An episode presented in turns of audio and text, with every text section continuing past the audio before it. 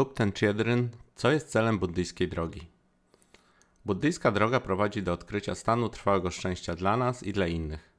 Staje się to możliwe, kiedy wyzwalamy się z cyklicznej egzystencji, z kręgu nieustannych problemów, których stale doświadczamy. Rodzimy się i umieramy pod wpływem ignorancji, szkodliwych postaw i nieczystych działań karmy.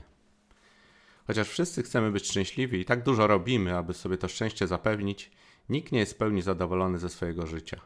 I choć nikt z nas nie chce mieć kłopotów, one i tak się pojawią.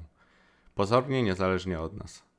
Ludziom przydarza się wiele dobrego, ale kiedy porozmawiamy z kimkolwiek dłużej niż 5 minut, usłyszymy też o jego problemach. Ci z nas, którzy są w takiej właśnie sytuacji, czyli nie są jeszcze buddami, są nazywani czującymi istotami.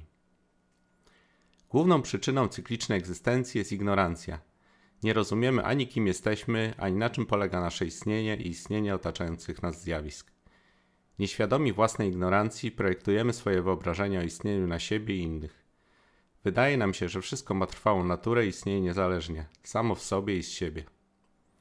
To prowadzi do przywiązania, czyli takiej postawy, kiedy przeceniamy dobre strony rzeczy czy osób, albo przypisujemy im zalety, których nie mają, po czym chwytamy się ich kurczowo, sądząc, że nas uszczęśliwią. Gdy jednak sprawy nie układają się tak, jakbyśmy sobie tego życzyli, kiedy coś mąci nasze zadowolenie, wpadamy w złość. Te trzy zasadnicze szkodliwe postawy ignorancja, przywiązanie i gniew dają początek wielu innym, np. zazdrości, urazie czy dumie, po czym wpływają na motywy naszego działania, mówienia i myślenia. A działania zostawiają w naszej świadomości ślady, które z kolei wpływają na to, czego będziemy doświadczać w przyszłości.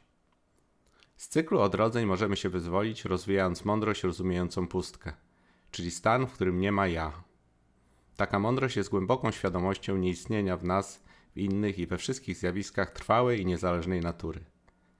Eliminuje ona wszelką ignorancję, błędne poglądy, szkodliwe nastawienia i negatywne emocje, kładąc w ten sposób kres pomieszanym i nieczystym działaniom. Taki właśnie stan nazywa się nirwaną, czyli wyzwoleniem. Wszystkie istoty mają możliwość osiągnięcia wyzwolenia, stanu trwałego szczęścia.